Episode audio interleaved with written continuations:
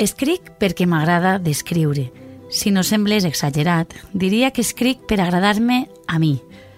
Si de retop el que escric agrada als altres, millor. Potser és més profund. Potser escric per afirmar-me, per sentir que sóc. Mercè Rodoreda.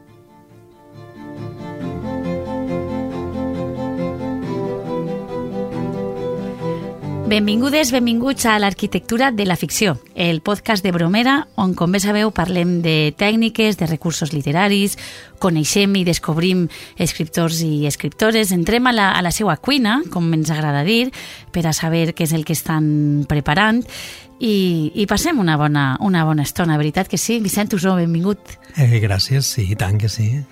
Ja, ja anem acumulant episodis, eh? A poc a poc. A poc a poc. A poc a poc es fa camí, diuen, no? Sí, sí, va, creix, va creixent l'arquitectura de la ficció.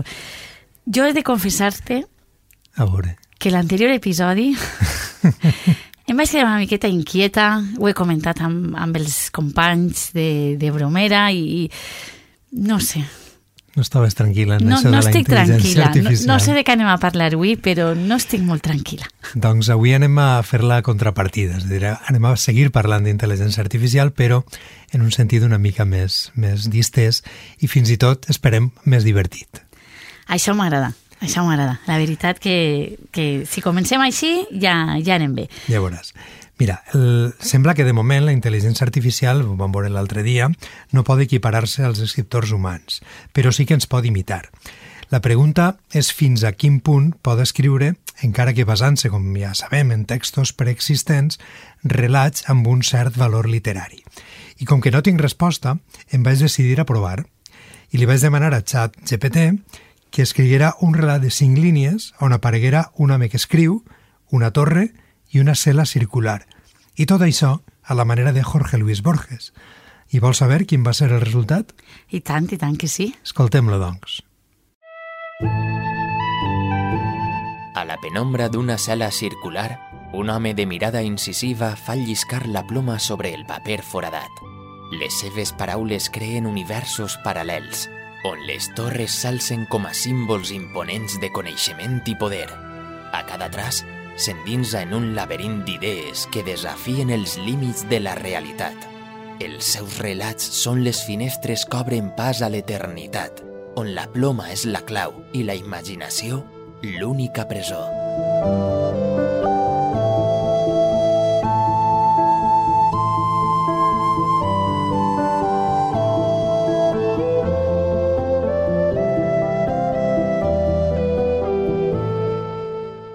No està malament, però Borges no és. No, no és Borges, és massa elemental, massa obvi, i si vols ho podem comprovar escoltant el Borges autèntic. Vinga, va semblar divertit, este exercici. Escoltem. En un lloc desert de l'Iran hi ha una no molt alta torre de pedra, sense porta ni finestra. En l'única habitació, el pis és de terra i té una forma de cercle, hi ha una taula de fusta i un banc.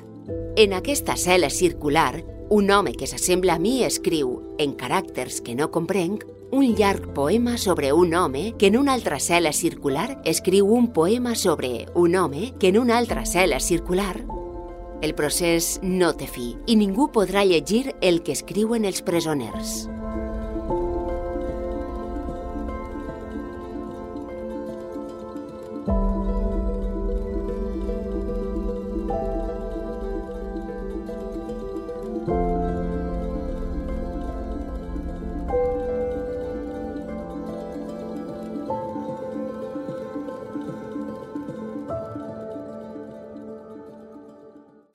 Relat que acabem de sentir es titula Un somni i és el que vaig triar per donar-li a ChatGPT alguns elements perquè els reproduïra, diguem, a la manera de l'escriptor argentí.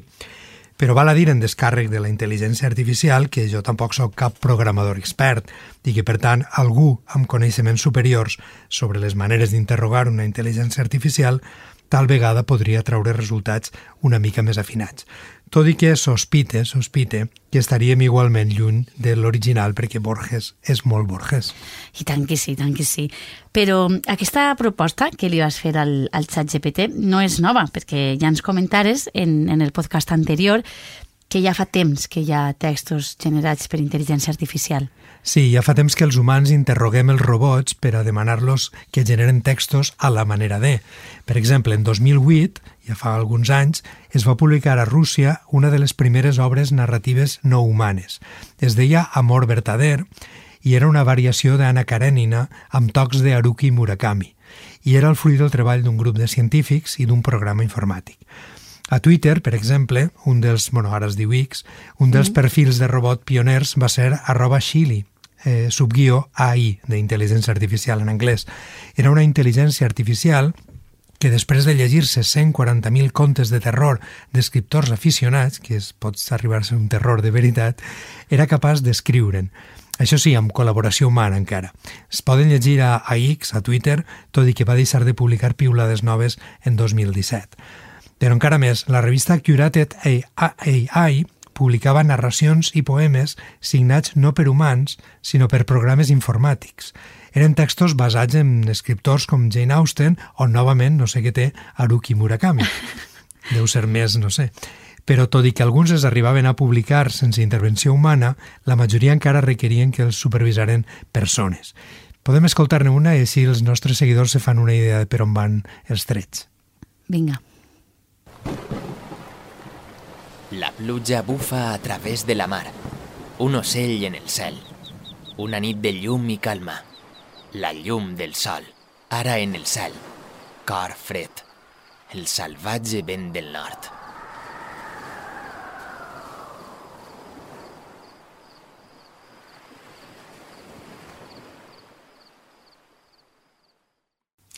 Bé, el text pertany a un poema del llibre La llum solar es va perdre en la finestra de vidre, quasi res el titolet. Sí, sí, que... molt, molt, molt comercial llarg. i atractiu, eh? molt llarg. Bé, el va crear una, un programa d'intel·ligència artificial que després de llegir-se més de 10.000 poemes va escriure un poemari de 10.000 sonets, això en un momentet, dels quals se'n van seleccionar 139 que van ser publicats en 2017 per l'editorial Cheers Publishing i el robot poeta, per cert, l'autor, diguem, es deia Microsoft Little Eyes, és a dir, Microsoft Geled, una cosa així. Un nom curiós, un títol singular també, el procediment, però no sembla que, que puga competir per el que diu, per el que dius amb un text escrit per un escriptor humà, cosa que confesse que, que em tranquil·litza respecte l'anterior conversa. Doncs vaig a inquietar-te un poc. Mira, pot ser no o pot ser sí. En Japó, de fet, eh, hi ha un concurs literari, el Nikkei Hoshi Shinichi Literari, més o menys, i la meva pronunciació del japonès és... De... No, no, ho has fet molt bé, he quedat sí. impressionada. doncs permet participar no sols escriptors humans, sinó també robots. A l'edició de 2016 es van presentar 1.450 treballs, dels quals 11 havien estat escrits per màquines. La notícia va saltar quan un relat d'un escriptor robot va arribar a les fases finals. El text es titulava, novament un títol comercial, El dia que un ordenador escriga una novel·la, i l'havien promogut des de la Future University Hadokate, on un grup de científics en aquesta universitat japonesa havien programat un algoritme i seleccionat les paraules i les frases que el robot havia d'utilitzar. Un dels membres del jurat, en l'acte, l'escriptor Satoshi Hase va afirmar que la novel·la estava ben estructurada, però tenia problemes amb la descripció dels personatges. Que sempre, no? Bueno, això ho sabràs tu millor que ningú, potser és la part més, més complicada, no? Sí, és la, la part més, més complicada i, de fet, les temptatives de, de generar eh, textos a través d'ordenadors ja fa temps que proliferen mm. i pot ser mm, totes mm, coixegen una mica pel, pel mateix cantó. Bé, quan es va donar un exemple, quan es van adonar que George R. R. Martin no escriuria mai la darrera part de cançó de Jellyfock, la novel·la en què es basa, com tot el món sap, la sèrie Joc de Trons... I una... que tenim a Bromera, eh? Un, un espai publicitari. Molt bé. doncs l'enginyer Zach Thout va crear un sistema d'intel·ligència artificial capaç d'interpretar l'estil de l'autor i generar un text. El resultat, però, no ha estat massa satisfactori. Potser per això no el tenim a Bromera. El mateix intent el van fer amb Harry Potter. Després d'entrenar un algoritme per a, eh, a partir de les set novel·les de J.K. Rowling, els estudis Botnik van programar un robot per a que generara una nova aventura del mag. El resultat és Harry Potter i el retrat del que semblava un gran munt de cendra i està publicada a la plataforma col·laborativa GitHub. Es tracta d'un text estrany, però els promotors consideren que resulta prometedor Però bé, si vols, millor que jutgen els nostres seguidors, no et pareix? Sí, sí, jo també, eh, que he de, he de confessar-me seguidora de, de la saga de Harry Potter. Doncs anem-hi. Els terrenys del castell grunyien com una ona de vent magnificat amb màgia. A fora, el cel era un grandiós sostre negre que estava ple de sang. Els únics sons provinents de la cabanya de Hagrid eren els crits desanimats dels seus propis mobles. Pesades gotes de pluja assotaven al fantasma de Harry mentre caminava pels terrenys camí del castell. Ron estava allí, dret, fent una espècie de ball frenètic. Va veure a Harry i, immediatament, va començar a menjar-se a la família d'Hermione.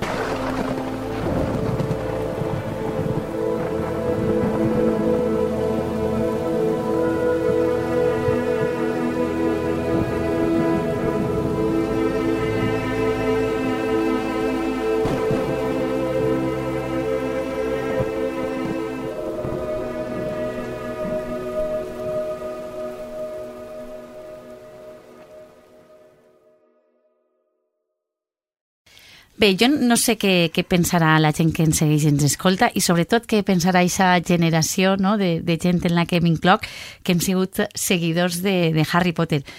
Jo no veig color, eh? no veig que la intel·ligència artificial puga competir amb Rowling.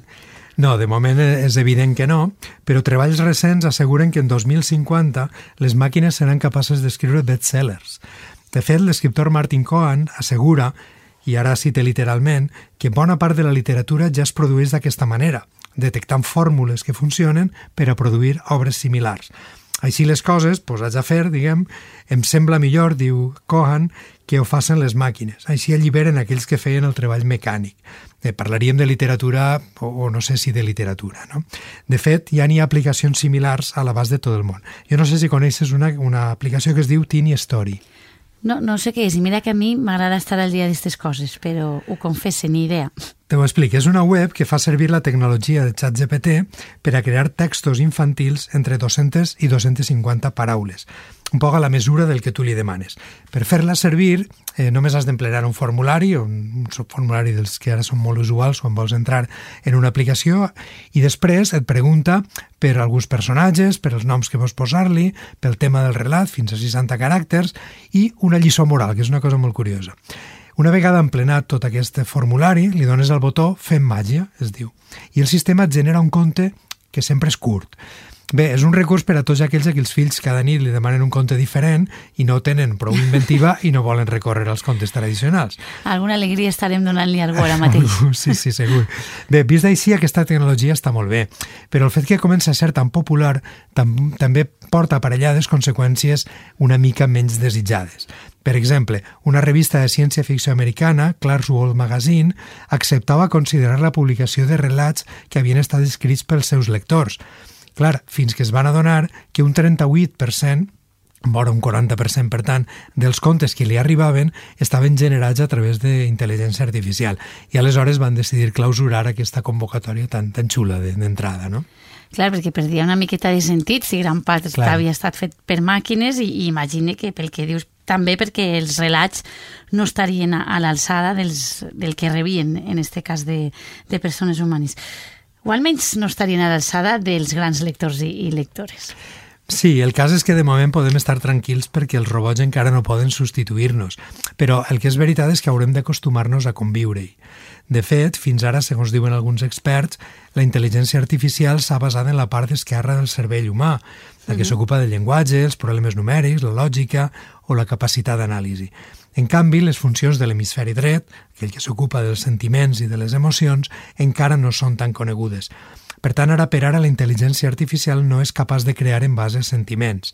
No pot sentir estima o dolor o no pot saber què és la por, la por perdó, a la mort. Per tant, no pot imaginar com sentiria un personatge, un poc el que deia el jurat del, del concurs japonès pot recopilar dades sobre com expressen les emocions diferents autors i escriure textos a partir d'ací. Per tant, és capaç d'imitar, però no de crear, o almenys encara no. De fet, eh, alguns autors, i en certa mesura ho compartís, fins i tot qüestionen que, que utilitzem no? la paraula intel·ligència per hmm. anomenar a aquests robots. Sí, és així. De fet, el llegiré un fragment d'un article que ens ve perfectament al cas i que vaig llegir l'altre dia. L'escriu el doctor en Ciències Físiques i catedràtic d'Enginyeria de Sistemes de la Universitat del País Basc, Víctor Echeverría, o sigui que no podem dir que siga una opinió qualsevol com aquestes que abunden actualment.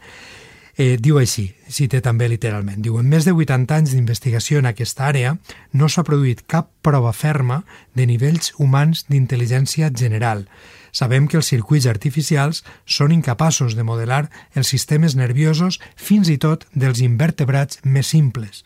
Tot i que una computadora guanya una partida als jugadors d'escacs professionals, siga capaç de proposar un recurs legal buscant jurisprudència o expresse correctament respostes a les nostres preguntes, no estem davant de màquines que pensen, capaces de comprendre i conscients.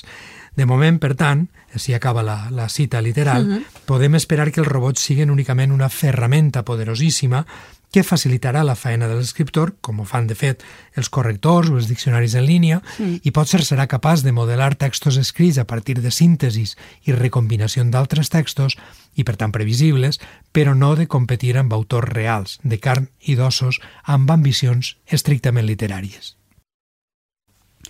De moment sembla, afortunadament, que seguirem llegint autors i autores humans que n'hi ha, que ha de ben interessants. I no ens els acabarem. No, no ens els acabarem. Jo crec que podríem fer 100 temporades de l'arquitectura ah, de la tant, ficció per a, per a conèixer escriptors i escriptores. Per cert, que, que toca convidat o convidada avui també, i com ja coneixes, és qui ha triat el tema musical en el que el presentarem. Anem a escoltar-lo. Pense que ha arribat l'hora del teu cant a València. Temies el moment confessa. Tenies el moment del teu cant a València. La volies cantar sense solemnitat, sense mediterrani, sense grecs ni llatins, sense picapetrers i sense obra de mort. I no saps, Vicent, com m'agrada la selecció musical d'este podcast. I no la faig jo, eh? perquè com, com veies als anteriors episodis, ara són els convidats o les convidades els que m'ajuden a, a fer la selecció, però veig que continuem amb la mateixa dinàmica. Crec que no l'encertaràs. No, no l'encertaré, però en tot cas el que vol dir és que tenim convidats amb molt bon gust musical. La veritat és que sí, que això, que això està molt bé i que el compartim. Bé, mm, ens hem quedat parlant una miqueta de, de que seguirem llegint els autors humans, que n'hi ha de, de molts interessants, i d'interessants en tenim avui un acompanyant-nos. Benvingut, Enric Senabre, a l'Arquitectura de la Ficció. Com estàs? Hola, què tal? Molt bé. Hola, Enric. Explica'ns primer que res el, el motiu de la selecció musical, que, que Vicent sempre el deixem així una miqueta fora de joc. Per què aquesta cançó? Bueno, per molt, perquè, perquè és d'Obrim Pas, que, que m'agrada molt. Eh, a més, perquè tracta de Benimaclet també, perquè apareix el meu barri on visc, perquè en el vídeo va eixir el meu fill menut, el Sergi, ah. i m'encanta veure aquest vídeo per moltes raons. Bé, bé, eh, com deia Vicent, tenim convidats amb, amb molts bon gust. Anem entrant en, en matèria mm, perquè portem alguns episodis parlant d'un tema que, que preocupa i que interessa moltíssim, com és el de la intel·ligència artificial. I una de les qüestions que, que volíem comentar amb tu és com pot canviar la creativitat, la, la intel·ligència artificial? Bueno, evidentment la intel·ligència artificial té una, una incidència enorme, no? Si bé justament en la creativitat és el punt on més fa, on més fa figa, no? podríem dir. Realment la intel·ligència artificial té molt poc d'intel·ligent i, i molt d'artificial. I per tant, el que és la creativitat, que és l'aspecte més pròpiament humà, és el que pitjor treballa. Per tant, estrictament parlant, jo crec que el que, el que està més protegit d'eixa immiscuir-se no? que, que està tenint la intel·ligència artificial en la nostra vida. Mm.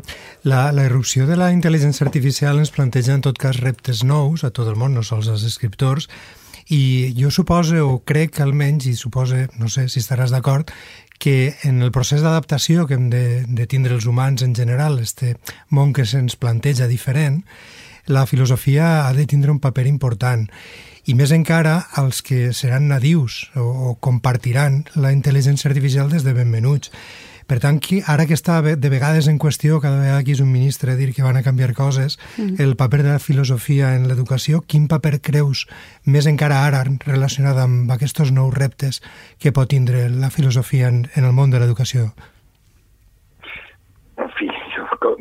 És allò de preguntar-li a la persona que, que que més in, implicada està, no? Podríem dir, porta ensenyant filosofia molts anys i, i tinc molt clar que justament el que ensenya la filosofia és a entendre i a utilitzar la, filosofia, la, la intel·ligència artificial, no? Crec que fa falta, mm, com diríem, la intencionalitat, o si voleu, la llarga mirada o la visió general que ofereix la filosofia i que la intel·ligència artificial no té. La intel·ligència artificial et resol un problema concret, eh, et trau d'una situació, però el sentit de tot plegat, la, la llarga mirada, això només l'ofereix eh, la reflexió humana i, i per aconseguir una reflexió humana crítica i personal només podem que cultivar-la. I, I la literatura la cultiva, i l'art la cultiva, però la filosofia la cultiva també en un sentit molt, molt general, no? Per tant, es fa més necessària que mai, pense jo, no? en el sentit este de, de donar sentit a, a tots aquests dispositius que, que ens apareixen al voltant i que ens ajuden barbaritats, no? però que si no estan inserits en un sentit general perden tot el seu valor. Mm -hmm. No sé, Vicent i, i Enric, si, si compartiu amb mi la, la sensació que, que els canvis no, sempre van molt, molt per davant de... O sigui, els canvis socials o, o culturals van molt per davant dels canvis educatius o, o legislatius. Eh, Sentint-te ara pensava en, en si realment el, el professorat eh, està preparat, té les ferramentes necessàries no? per, per a fomentar justament aquesta reflexió tan necessària que comentes al voltant d'una qüestió com és la intel·ligència artificial que sembla que, que hi romp eh, de manera precipitada en molts àmbits de la vida, encara que ja fa temps no? que, que venim sentint parlar, sembla que ara amb, amb més força. Sí, de veure, anem sempre l'educació l'educació formal, vull dir, l'escola, no? Anem sempre en la llengua fora. És un poc com, com deia Hegel de la, de la filosofia, no? que alça el vol com el, com, com el mussol, no? per la nit, quan ja ha passat el dia. No? Ens passa un poc igual eh, se'ns imposen una sèrie de canvis que nosaltres vivim com a persones, però com a professionals ens costa, ens costa acceptar. Necessitem un poc de temps. Eh? Entre altres coses també perquè nosaltres tenim molts menys recursos. Vull dir, pensem que això està impulsat per empreses, eh, empreses tecnològiques molt potents, amb molt de recurs que, que, que, que, bueno, que trauen molt de profit i nosaltres no tenim cap profit econòmic, podríem dir, no? en tot cas professional però necessitem aquest temps, per tant, cal aquesta formació, cal aquesta formació que, que jo estic convençut que tarda un poquet en arribar, per això que siguin que la nostra reacció sempre anem en la llengua fora, tenim massa feina i massa papers per a fer, no?, per a poder-nos ocupar de, de coses de, de, més, de més importància moltes vegades, però estic convençut que, que, que el camí és així i que, i que l'estem transitant, no?, a poc a poc. I ara que parlem de ritmes i que els, la gent jove escolta els whatsapps a 1,5 per, a, per a guanyar temps, eh, per a guanyar temps diuen ells, jo no sé. Ah, jo no soc jove, eh, perquè jo també ho faig. Eh? També ho fas. Pues, Hosti, soc jove. També estàs implícit en la pregunta que vaig a fer-li a Enric, a veure. Eh, com creus que, que a veure, la literatura que necessita, diguem, un temps lent per a, per a la bona literatura, per a, per a ser assimilada, per a ser gaudida fins i tot, Quin encaix pot tindre en una societat que cada vegada camina més de pressa cap a no se sap on? Mm. Pues, pues perquè al final ens adonem tots que esta immediatesa i esta rapidesa ens, ens agobia, ens aclapara i, i ens, ens clava. Aleshores, arriba un moment que, que tots, els joves i nosaltres, ens, ens adonem que ens, que ens fa falta aquest temps per a nosaltres mateix, que és un poc el que pot ocupar, que ocupa la literatura, no? Jo estic convençut que hem de pensar ràpid, hem d'aprendre a pensar ràpid, o com a mínim a saber de tindre determinades decisions quan ens obliguen a, a decidir ràpidament, no? Però en aquest sentit, la literatura mm, hem d'aprendre també a deixar el mòbil, com, com aprenem tots, eh? hem d'aprendre a, a prendre el nostre temps i, i la literatura continua en el mateix, en el mateix lloc, en aquest lloc de, de l'espai personal, eh, enriquidor i, i, de, i de calma, no? Que, tot i que pot haver efectivament també una, una, lectura, una literatura de consum ràpid, per què no? no? Vull dir, també, O i mig, però no també. s'exclou en cap moment i crec que vaig a substituir-se. Eh? Uh -huh. Enric, eh, a Bromera et coneixem, et coneixem molt bé i, i ens agrada en, en este podcast entrar una miqueta en, en la cuina no? de les persones que, que convidem. Eh, les teues obres sempre es caracteritzen mm, perquè trobes un equilibri a banda de saber connectar molt bé amb, amb el públic eh, més jove, amb allò que l'inquieta i li interessa, però sempre hi ha una combinació d'entreteniment i de, i de reflexió.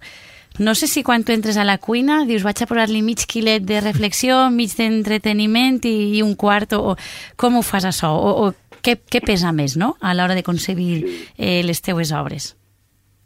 Sí, jo, jo faig una literatura que, que, bueno, que a lo millor, no sé, pot ser, algú pensa que no és, és literatura perquè està molt intencionada per la educació, no? Aleshores, mm. jo sí que tinc una intencionalitat eh, didàctica molt clara, no? que intente que no mate la distracció, per supost, que intente que isca de la mateixa del, del mateix fruir no? de, del que és llegir. No? I crec que no està, crec que no està renyit i, i pense que és, que és, que és un estil que, que potència, no? potència la lectura en aquest sentit, perquè al mateix temps que, que, que pot proporcionar una sensació de, de plaer, de gust, d'estar fent una cosa que t'agrada o que, sí, que t'agrada, eh, al mateix temps fomentem un poquet que, que això te, te doni un plus personal, te faci un poc anar més enllà, reflexionar, no? Aleshores sí que intente fer un poquet de, més que de cuina, de màgia, no? El que passa que el que isca després és, ja, ja depèn de, de la química, no? Podríem dir. I ja dins de la cuina-cuina, és a dir, quan tens un projecte, una idea d'un projecte, eh, quines el té les teues pautes de treball? És a dir, primer et documentes molt, vas prenent notes, eh, deixes portar un poc pel fil de, de un fil inicial, en fi, no sé, m'agradaria que ens explicares un poc com planteges els teus projectes des del punt de vista més pràctic. Sí, a mi sobretot me sacudeix un, una idea, no? una idea inicial. Una idea inicial que, que, bueno, que va creixent, sobretot la vas pensant molt, a voltes per la descartes, després el torna, i quan ja veus que, que, que està imparable la, la, la comences a desenvolupar. Normalment els temes eh, estic treballats, per tant, el meu procés de recollida d'informació ja està fet, no? Mm -hmm. perquè, perquè són temes que he estat treballant durant molt de temps, tant en l'aula com fora, i ja ho tinc. Aleshores, un poc a partir d'aquesta idea inicial, vaig deixant-me portar possiblement massa, possiblement no siga la manera més, més correcta, no? però, però sí que me deixa portar prou per com els propis personatges poden fer coses, altres no les poden fer, encara que t'agradaria, uh -huh. perquè t'encaixaria molt bé en l'argument, i a partir d'ahí va fluir un poquet eh, i moltes vegades canvia el final que havia pensat o, mm -hmm. o l'altera o, o, o me sorprèn inclús a mi de, del lloc d'arribada no? Això és un bon senyal normalment Bé, eh, ara, Enric, anem a, a la part uh, més lúdica d'este podcast. És una mena de concurs. Has de donar-nos respostes breus, no, no, massa, no massa pensades, fins i tot et diria. I és una xicoteta secció amb la que pretenem que els seguidors i seguidores coneguen encara una miqueta més al, al convidat. Vinga, una miqueta de música que, que anem allà. Grup musical preferit? Doncs obrim pas, ja que, ja que ho he dit. Molt bé. Alguna cosa que no falta mai, mai en la nevera de casa? Eh, pernils, cuixot, que diem en el meu poble. Ah, molt bé, el coll. Vinga, un llibre per a recomanar. Sí. Un llibre per a recomanar. Els teus no valen. El vostre està molt bé, el de Pierre Lemaitre, El gran món, m'ha semblat fantàstic. Ah, vaja que sí, jo també el recomane molt. Vinga, una mania, però de les que siga confessable. Una què, perdona? Una mania, confessable. Una mania, una mania confessable. Eh, cafè del des de juni de Bob Matí és, és mm, insubstituïble. Crec que molta gent ho compartirà. I què volia ser de menut, Enric? Volia ser, volia ser mestre, sí. Crec que sí. Vaja. He complit un poc aquests somnis. I, I la veritat que també volia ser un poquet escriptor. Igual també per ahir. Vicent, ens passa molt eh, en els episodis d'últimament que la gent Ho té molt clar molt els seus somnis. sí, sí. Que bé, enhorabona. Cafè o infusions, crec que ja l'has contestat, no? Sí, cafè, cafè. Cafè. Una persona favorita? Obama, em sembla una persona espectacular. Si pogueres dirigir una pel·lícula, quina, quina seria? Eh, seria alguna de Godard, Mm -hmm. de Jean-Luc Godard, que me semblen espectaculars, el Agua de Sub o algo així. Anem anotant recomanacions també. M'agrada molt esta part del, de l'espai perquè així agafem idees. I la última, Enric, gimnàs o sofà? gimnàs o sofà? Com ho has dit? Gimnàs o sofà? Què prefereixes? Les dues coses, gimnàs de matí i sofà de vespre.